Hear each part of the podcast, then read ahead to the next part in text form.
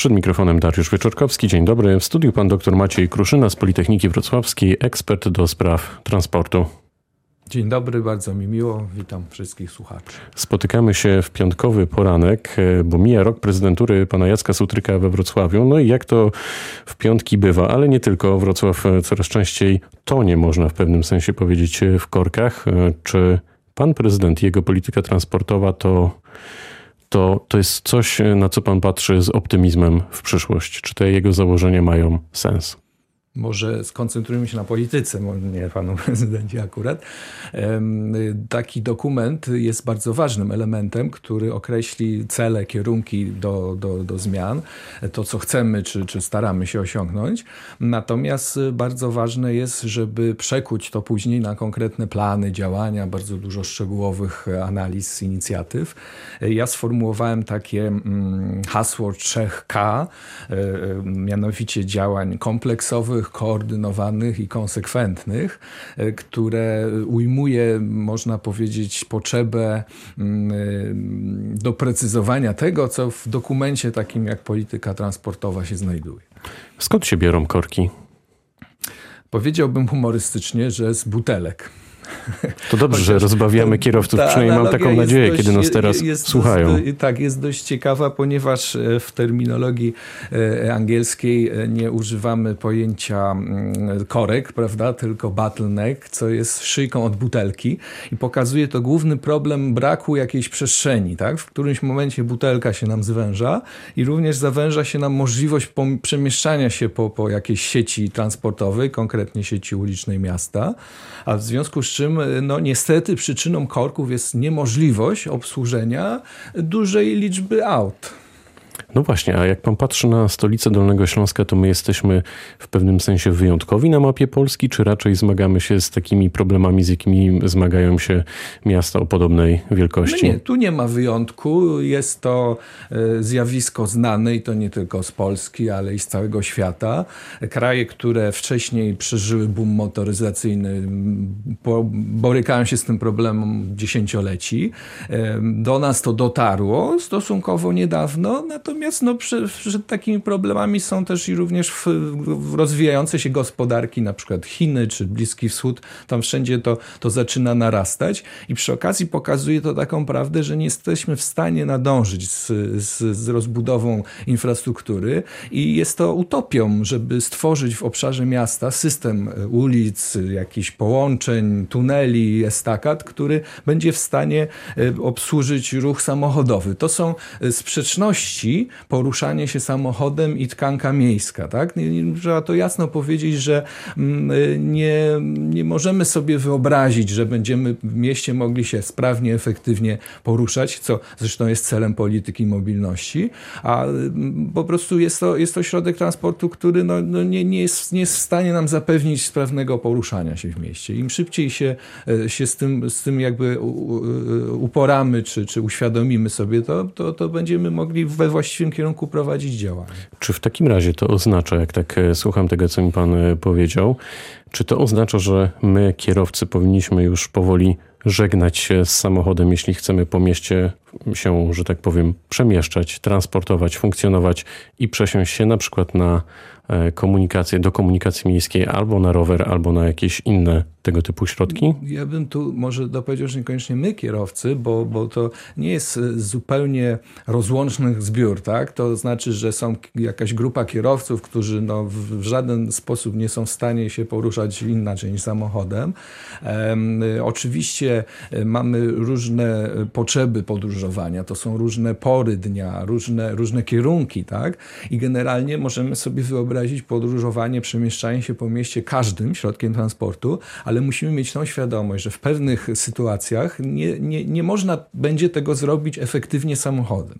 Dlatego nie chodzi tu o jakieś antagonizowanie, tak? czy o, o, o jakieś, jakieś nawet eksponowanie zakazów, tylko raczej o pokazanie, że my jesteśmy w stanie i możemy podróżować sobie bez konieczności używania samochodu. W dalszej kolejności być może bez posiadania, ponieważ niektórym no, no, no takie dobro nie będzie przydatne, skoro będą mogli się przemieszczać po mieście i aglomeracji w inny sposób. Pan przyjechał do studia. E tramwajem. Udało się to zrobić na czas. Czy jakieś miasta, na przykład na zachodzie Europy, poradziły sobie w pewnym sensie w podręcznikowy, modelowy sposób z tym, żeby z tym zagadnieniem szeroko pojętych korków i utrudnień w centrum miasta, żeby je wyeliminować? Może pan wskazać?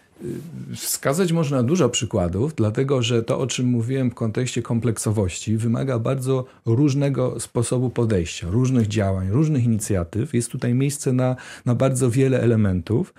To, czy miastom się udało pokonać problem korków, to można powiedzieć, że jest to procesem, tak? bo, bo, bo nie ma ani sytuacji skrajnie negatywnej, ani sytuacji super idealnej.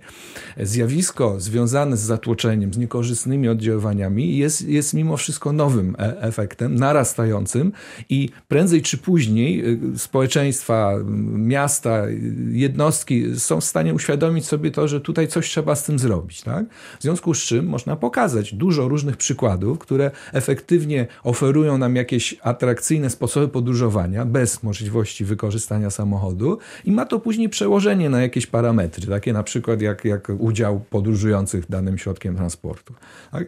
Także jestem o tyle w tym momencie w trudnej sytuacji, że no, nie sposób y, rzucić jakimś konkretnym przykładem, powiedzmy mamy miasto B i tam jest bardzo, bardzo dobrze, natomiast można pokazywać różnego rodzaju inicjatywy, które powodują to, że sukcesywnie coraz więcej ludzi korzysta z środków alternatywnych w poruszaniu się po mieście, no a właśnie. nie korzysta z samochodów. No właśnie, to jakie to są e, środki? To znaczy, co byśmy mogli zrobić albo podpowiedzieć e, władzom stolicy Dolnego Śląska, żeby e, no, to zagadnienie, o którym rozmawiamy już od kilku minut, może nie wyeliminować, bo pewnie jest to niemożliwe, ale ograniczyć efektywnie?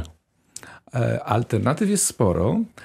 Niemniej musimy sobie zdać sprawę mm, z tego, w jakim miejscu i na jakim e, obszarze chcemy je wdrożyć.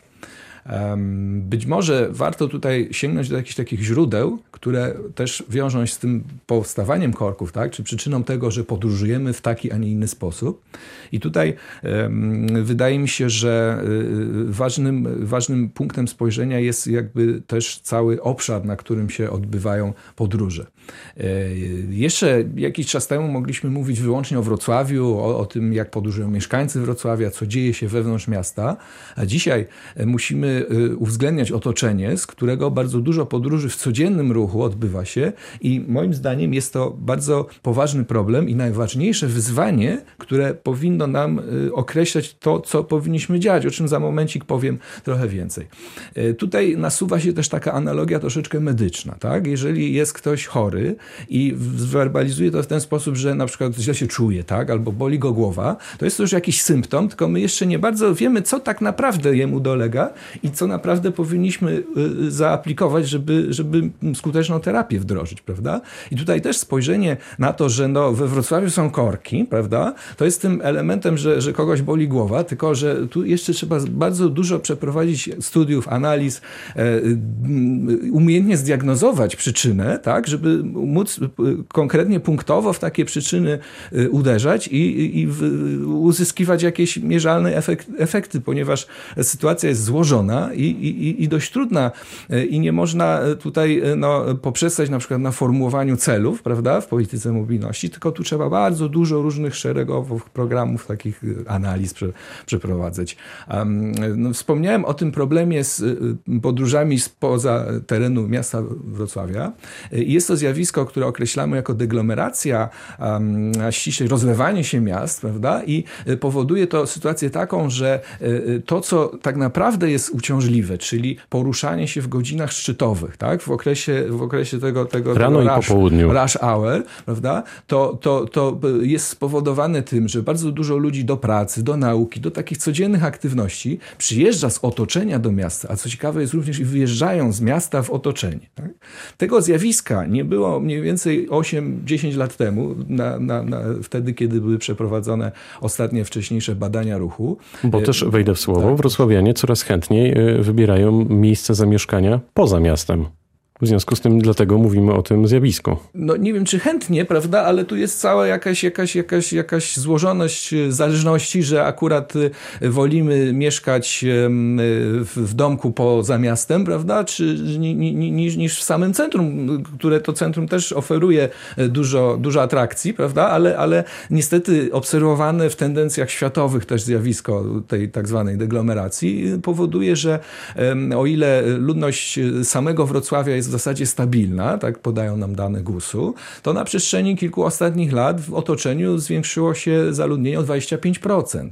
A przy czym y, są to osoby, które raczej są w wieku zawodowo-czynnym, co dodatkowo powoduje y, y, większą intensyfikację ruchu. Tak? I za tymi procentami, a jeszcze lepszym wskaźnikiem jest na przykład procent nowych mieszkań, który, który znacznie wyższy jest od, od tego przyrostu liczby mieszkańców, ponieważ nie wszyscy się przemeldowujemy, prawda? Natomiast, natomiast mieszkania w jakiś sposób są budynki rejestrowane. I z kolei to się przekłada na to, że na granicy Wrocławia w przeciągu perspektywy y, kompleksowych badań ruchu 8 lat y, przyrost ruchu pojazdów osobowych jest o 50%, tak? Czyli y, bardzo dużo. Bardzo dużo i powoduje to mm, to, co jako hasło się przebiło, że, że wjeżdża do Wrocławia 240 tysięcy samochodów na dobę, z tym, że to jest taki, taka diagnoza w stylu, że, że się źle czujemy, prawda? Natomiast z tego jeszcze niewiele wynika, ponieważ w tej liczbie jest dużo pojazdów, które przyjeżdżają tranzytem, albo są to pojazdy, które są związane z zaopatrzeniem, z, z taką potrzebą, która, która wiąże się z wykorzystaniem auta. I tu chciałem podkreślić, że nie chodzi o to, żeby wrzucać do jednego worka, prawda? Wszystkie pojazdy i wszystkich podróżujących. My raczej byśmy chcieli doprowadzić do tego, że ktoś, kto nie musi korzystać z przejazdu autem i jeśli otrzyma atrakcyjną alternatywę, to będzie y, osobą, która nie, nie będzie musiała podróżować. No właśnie, i miasto tutaj proponuje z jednej strony buspasy, z drugiej zachęca nas do tego, byśmy y, skorzystali z komunikacji miejskiej. Co pan na to? E, ale nie wiem, czy to są dwie strony akurat, dlatego że to, to, to są elementy tworzenia atrakcyjnej alternatywy, prawda? W stosunku takim, żeby e, usprawniając e, poruszanie się, przejazd w tym wypadku autobusów po, po buspasach, stworzyć alternatywę taką, że podróż bez wykorzystania samochodu będzie korzystniejsza. Tak? No właśnie, bo, bo mamy zostawić, i, i, mamy zostawić samochód na rogatkach miasta, parking y, y, parku jedź i przesiadamy się do komunikacji miejskiej. Czy to jest właśnie jedno z rozwiązań, które będzie efektywne i może już jest w Pana ocenie? O, już to na pewno nie jest, ponieważ my jesteśmy w trakcie inicjacji w zasadzie szeregu działań.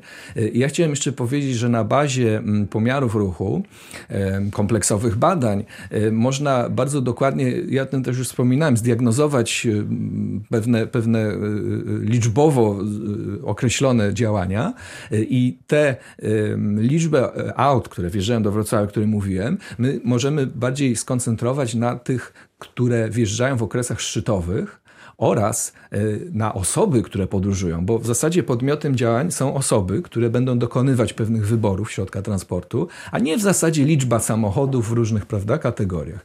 I w związku z czym oszacowałem mm, populację, na którą należy wpłynąć, żeby zmieniła swój sposób podróżowania, czyli niechęcić ich do korzystania z samochodu, a co ważniejsze, zachęcić do korzystania ze środków alternatywnych. No i co panu wyszło? Taka liczba jest dość istotna i wynosi 50 tysięcy. 50 tysięcy osób to y, w skali y, podróży rzędu milion na, na, na dobę w mieście może nie jest bardzo dużo, natomiast y, liczba 50 tysięcy jest dużym wyzwaniem, ponieważ dla takich osób należy zapewnić atrakcyjną alternatywę. Podkreślam, nie chcemy zakazowo prawda, działać, tylko w sposób y, y, y, zachę, zachętowy, tak? ofertowy. W związku z czym dla 50 tysięcy osób należy zapewnić konkretne elementy infrastruktury na przykład. Na przykład parkingi park and ride, o których pan wspominał. Oczywiście to nie będą w tych osobach wszyscy, którzy zostawią samochód na parkingu park and ride, ale jakaś część tych osób, no, szacowałem powiedzmy 20 tysięcy, to byłaby y, do, do y, za, zachęcenia do takiego sposobu zmiany środka podróży. W związku z tym budowane parkingi Park and Ride powinny móc pomieścić tyle, tyle pasażerów. Powoli dojeżdżamy e, do mety e, z naszą e, rozmową. No to pytanie na koniec jest takie, co przed nami Pana zdaniem? To znaczy, co w najbliższych latach może się wydarzyć, co się Pana zdaniem zadzieje? No, y, wrócę jeszcze do tej zasady 3K, tak? czyli kompleksowych, skoordynowanych i konsekwentnych działań. Z tym bywało w międzyczasie w ostatnich latach różnie. Czasami nam zawodziła koordynacja, czasami nie byliśmy konsekwentni i to byłoby takim głównym mottem do, do działań, które należy prowadzić. Ja uważam, że osiągnięcie zrównoważonego poziomu mobilności, czyli tego poziomu przesia- prze- zachęcenia 50 tysięcy osób do zmiany środka transportu, to nie jest zadanie na kadencję, czy nawet okres 10 lat. Przeciwnie, uważam racjonalnie, że to może być horyzont 20-letni. Jako członek forum konsultacyjno-analitycznego przy prezydencie Wrocławia mogę takie analizy prowadzić z pewną swobodą i, i formułowaniem dalszych horyzontów. W związku z czym liczmy na to, że to nie osiągnie się jutro, tylko gdzieś w okolicy 20 lat, z tym, że to musi wymagać ciągłej pracy w każdym z tych lat tego okresu. I każdego z nas trochę. No pewnie tak. Powiedział pan Maciej Kruszyna, doktor z Politechniki Wrocławskiej, ekspert do spraw transportu, który był gościem rozmowy Dnia Radia Wrocław. Bardzo dziękuję za spotkanie. Ja również dziękuję za rozmowę. Życzymy szerokiej drogi, dobrego weekendu, pytał Dariusz Wyczorkowski. Dobrego dnia.